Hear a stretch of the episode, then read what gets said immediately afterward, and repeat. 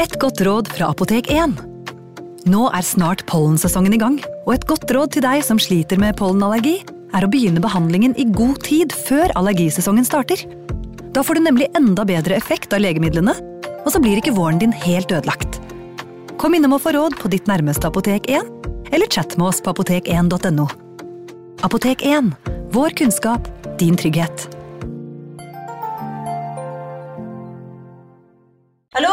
Jeg kommer fra Oslo politikammer. Ine Jansen er purk. Er du purk? The motherfucking bitch. Alt jeg vil, er å finne ut hva som skjedde med mannen min. Jon Carew. Er jeg sikta for noe? Iben Akeli. Det er du. Ole So, Lars Berrum og Big Daddy Karsten. Hvem sin side er du på, egentlig? Anette Hoff, Tone Danielsen, Kommer du fra Afrika? Jørnis Josef, Nesten. Kløfta. Trond Espen Seim, Det er synd å si det, men det var feil mann som døde. Purk. Premiere tirsdag på TV2 Play. Ungsamtalen fra DNB er økonomisk veiledning tilpasset deg som er ung. Bokk en ungsamtale på dnb.no. slash ung. Det er kjempebra hvis du skal inn på boligmarkedet, hvis det er drømmen din, liksom. Det er det du skulle sagt. Og så kunne du ropt litt mer, da, sånn som jeg gjorde. Bam! Advarsel. Denne podkasten inneholder skildringer av ekte drap og kriminalsaker som kan være støtende for enkelte. Det advares også mot sterke inntrykk i deler av episoden. I kveld skal vi feire et jubileum. Jeg tror ikke dette er noe dere har for vane å feire. Og det har faktisk ikke jeg heller. Men det er en mann som fylte 70 år i går, den 18. desember. Han er ikke her i dag, og det kan vi alle være glade for. Han har gjort et solid inntrykk på meg. Dere også, vil jeg tro. Han sitter i fengsel i California. I samme fengsel som Charles Manson satt helt til han døde i november 2017. En av de høyeste seriemorderne jeg vet om, og beskrevet som verdens hyggeligste seriemorder. Denne historien handler om ingen ringere enn Edmund Kemper, også kjent som The Co-Ed Killer. Du kjenner han kanskje igjen fra Netflix-serien Mindhunter. Han er den store mannen med bart og briller som egentlig virker ganske koselig. Han er faktisk det. De som kjenner han, sier at Ed Kemper er både morsom, selvironisk, i tillegg til lynende intelligent. Historien om Edmund Kemper er ikke for alle. Jeg kommer til å beskrive ganske grusomme scener. Scener som har funnet sted på ordentlig, med ekte mennesker. Velkommen til True Crime Podden live.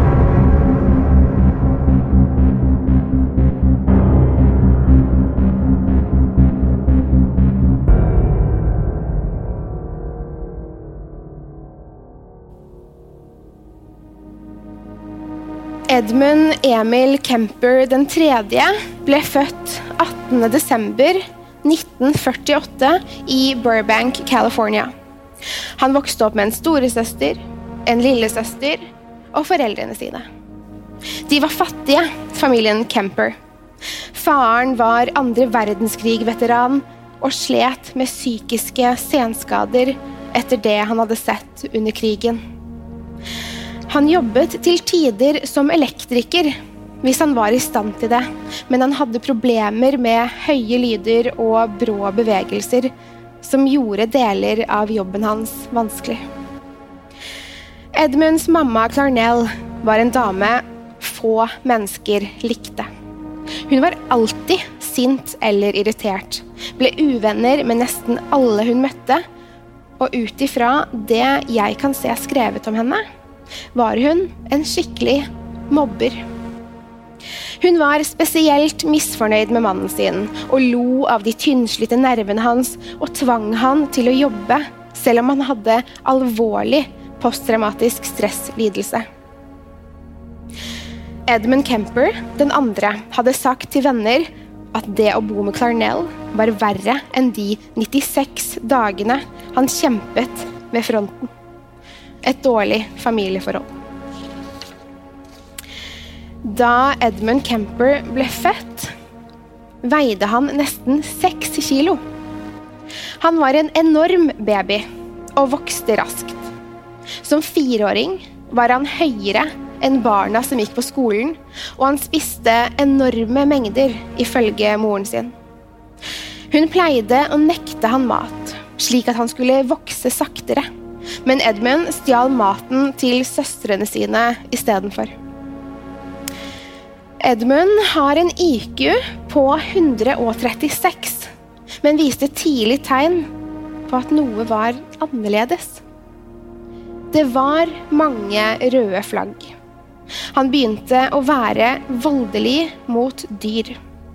Først småfugler, deretter kattunger og etter hvert voksne katter og hunder. Han torturerte dyrene. Deretter drepte han dem. Han begynte også å utføre bisarre seksuelle ritualer og handlinger på søstrenes dukker. Han bandt dem fast, fjernet hodene deres og innimellom også hendene, før han gned de avskårne delene mot seg selv. Storesøsteren fortalte at Edmund en gang hadde sagt at han likte lærerinnen sin så godt. Søsteren hadde spøkefullt spurt om ikke, han ikke kunne gi lærerinnen et kyss på kinnet, siden han likte henne, hvorpå Ed hadde svart at da måtte han drepe henne. Søsteren trodde først han tullet, men så så hun at broren var svart i øynene da han sa det. Hun ble redd for han etter det, og trodde det bodde ondskap i han. Clarnell, moren, mobbet og ydmyket Edmund daglig. Hun pleide å låse han inn nede i kjelleren, og sa hun var redd han skulle forgripe seg på søstrene sine mens de sov. Hun sa slike ting foran alle.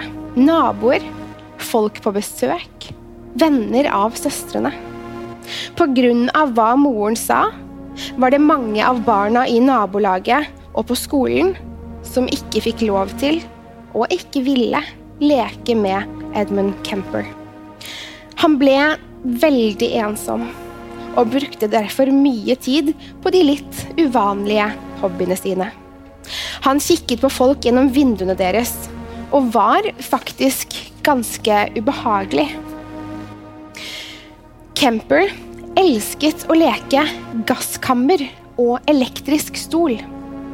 Han fikk søstrene til å binde han fast, og noen ganger til å kvele han mens han prøvde å komme seg løs. Søstrene syntes ikke det var spesielt morsomme leker, men turte ikke å si nei til broren sin. Det verserer rykter om at storesøsteren prøvde å drepe han på ordentlig ved å forsøke å dytte han foran et tog, og ved en annen anledning dytte han i vannet, slik at han nesten druknet. I 1957 skilte foreldrene seg, og Edmund ble boende hos moren sin. Hun fortsatte den dårlige behandlingen av sønnen og nektet å være snill med ham. Det ville gjøre han homofil, mente hun.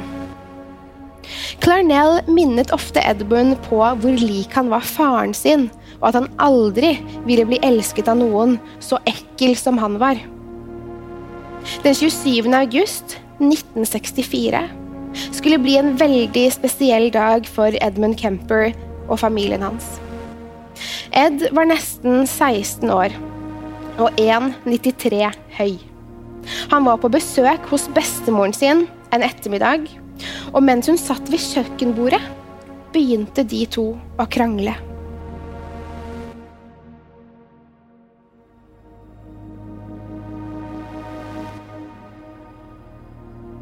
Under krangelen tar Kemper fram en stor kjøkkenkniv og stikker bestemoren flere ganger i brystet, halsen og ryggen. Hun kjemper en liten stund, men til slutt må hun gi tapt for blodtapet. Kemper fortsatte å knivstikke henne etter at hun var død. Tiden gikk, og det nærmet seg tidspunktet hvor bestefaren hadde sagt at han skulle komme hjem fra butikken. Kemper ble redd for at bestefaren skulle bli lei seg av å finne kona si knivdrept på kjøkkenet, og tok derfor med seg en hagle ut i oppkjørselen foran huset. Da bestefaren steg ut av bilen, skjøt Edmund Kemper han i hjel. Han ble redd etter å ha skutt bestefaren, og visste ikke hva han skulle gjøre, annet enn å ringe moren sin og fortelle hva han hadde gjort. Moren hans ble selvfølgelig rasende og sa at han måtte ringe politiet og melde seg. Så det gjorde han. Politiet kom og arresterte han ved siden av bestefarens lik. Pågripelsen skjedde uten dramatikk, og Edmund ble tatt med til avhør. Han fortalte at han bare fikk lyst til å drepe bestemoren. Det var derfor han gjorde det. Men han ville ikke at bestefaren skulle oppleve å finne kona drept. Det var derfor Edmund skjøt han. Edmund ble skrevet inn på psykiatrisk sykehus istedenfor fengsel for drapene. En psykiater ble så fascinert av denne gutten at han ønsket å behandle det 16 år gamle morderen selv. Det var under dette oppholdet at Kempers intelligens ble testet, og han fikk scoren 145 i IQ denne gangen. Det var ingen tegn til psykiske forstyrrelser hos Edmund Kemper. Han hørte ikke stemmer, så ikke syner, og han virket både reflektert og høflig. Psykiateren likte han godt. Edmund Kemper forsto at det han gjorde, var galt, og klarte til og med å resonnere seg frem til hvorfor han drepte besteforeldrene den gangen. Hans eget sinne mot foreldrene, mente han selv, og psykiateren ga han rett i det. Kemper fikk etter hvert lov til å jobbe for psykiateren, men mest med å sortere journaler og hjelpe andre innsatte til å være med på psykologiske tester. Edmund Kemper var en eksemplarisk innsatt som gjorde jobben sin bra. Han var godt likt av innsatte og ansatte, og ble god på å forstå hvilke svar psykologene og psykiaterne ønsket fra de psykologiske testene de utførte. Derfor besto han sine undersøkelser og tester, og ble skrevet ut på sin 21-årsdag. Han måtte, selv om psykiateren hans ikke ønsket det, fortsette å bo hos moren sin etter løslatelsen. Pga. Edmund Kempers alder da han drepte besteforeldrene, ble dommen slettet fra rullebladet hans. Han begynte på college og begynte å drømme om å bli politimann. Han besto de teoretiske testene, men strøk på de fysiske fordi han var 206 cm høy. Han ble kalt Big Ed av de andre i klassen og holdt kontakten med dem, selv om de ble politimenn, og han sluttet på skolen.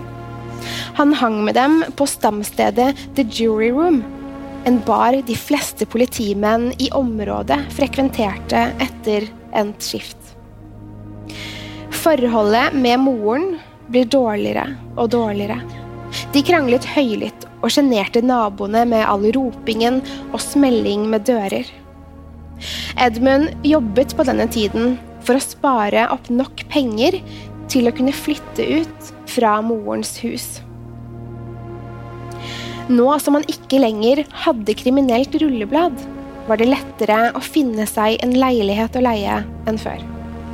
Han bodde flere steder, både hos venner og for seg selv. Han kom seg aldri helt unna moren likevel. Hun ringte han hver dag og kom ofte på besøk. Bare for å krangle eller for å fortelle Ed hvor ubrukelig han var. Kemper forlovet seg med en 16-åring og hadde planer om å gifte seg med henne da han ble utsatt for en bilulykke som skadet armen hans voldsomt. Han fikk erstatning for ulykken og kjøpte seg en 1969 Ford Galaxy.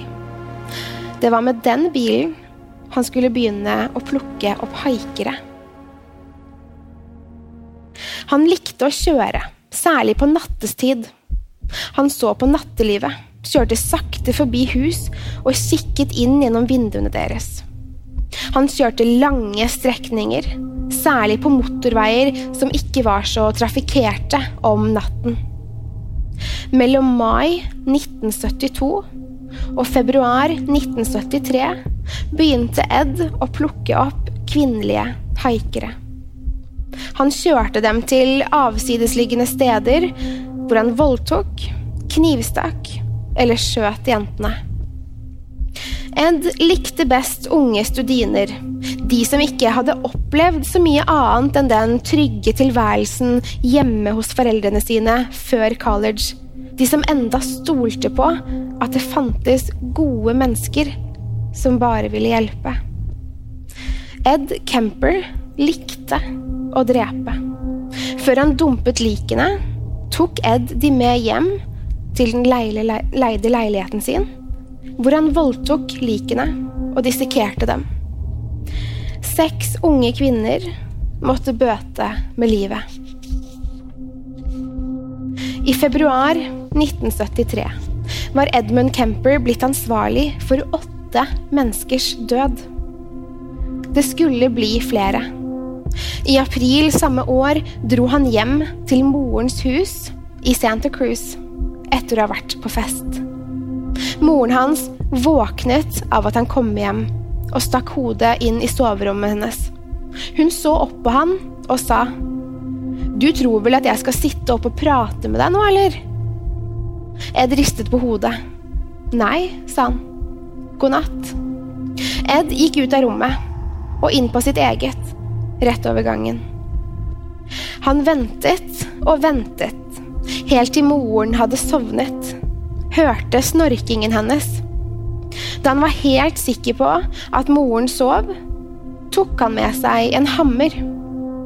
Han slo henne flere ganger i hodet med hammeren, så blodet sprutet både på tak og vegger. Så skar han hodet av moren sin. Deretter voldtok han den hodeløse kroppen hennes og utførte seksuelle handlinger på morens avkappede hode. Ed var fortsatt sint på henne. Han brukte hodet som dartskive og kuttet stemmebåndene hennes ut av halsen fordi hun hadde mast så mye på han hele livet. Han mente det var passende å endelig få henne til å holde kjeft. Stemmebåndene puttet han i en blender på kjøkkenet og slo i stykker det som var igjen av hodet hennes. Kemper var ikke ferdig med å drepe. Dagen etter inviterte han morens beste venninne Sally på middag. Og med en gang hun kom inn døren, kvalte han henne til døde. Han halshugget liket og sov med den hodeløse kroppen den natten. Etter å ha drept sitt siste offer gjemte han liket i morens klesskap. Deretter kjørte Edmund Kemper lenge rundt i byen. Han lurte på hvorfor han ikke ble arrestert, da han visste at politiet lette etter The Co-Ed Killer. Han så en politibil og stoppet foran dem. Han tenkte han like så godt kunne fortelle hva han hadde gjort. Ed gikk ut av bilen sin, bort til betjentene, og fortalte politiet hvem han var. Og dermed ble han arrestert. Edmund Kemper innrømmet drap, voldtekt, nekrofili og kannibalisme under rettssaken. Han ble funnet psykisk frisk, i alle fall frisk nok til å stå for det han hadde gjort i retten. Han fortalte dommeren at han ønsket dødsstraff for det han hadde gjort, men California hadde ikke dødsstraff på dette tidspunktet, så derfor ble han dømt til livstid i fengsel. I dag er Edmund Kemper fengslet på California Medical Facility og er en godt likt innsatt. Han jobber med å avtale legetimer an og andre aktiviteter for innsatte, og gjør en meget god jobb. Som nevnt i innledningen satt han fengslet med bl.a. Charles Manson, sektlederen som døde i november 2017. Han har prøvd å bli prøveløslatt flere ganger på 80- og 90-tallet, men pga. de grove forbrytelsene han sitter inne for, ble alle avvist. Han prøvde å få prøveløslatelse i fjor, men ble til tross for sin gode oppførsel og hyggelige fremtoning nektet også denne gangen. Neste gang han kan søke, er i 2024. Selv om Edmund Kemper kalles verdens hyggeligste seriemorder, og han ikke har vist noen tegn til voldelig oppførsel siden han drepte moren sin i 1973, er det viktig å tenke på hva han faktisk gjorde, og på at han er i stand til å gjøre det igjen. Når det er sagt, gratulerer med 70-årsdagen, Edmund Kemper. Og takk for at du har hørt på True Crime Podden live.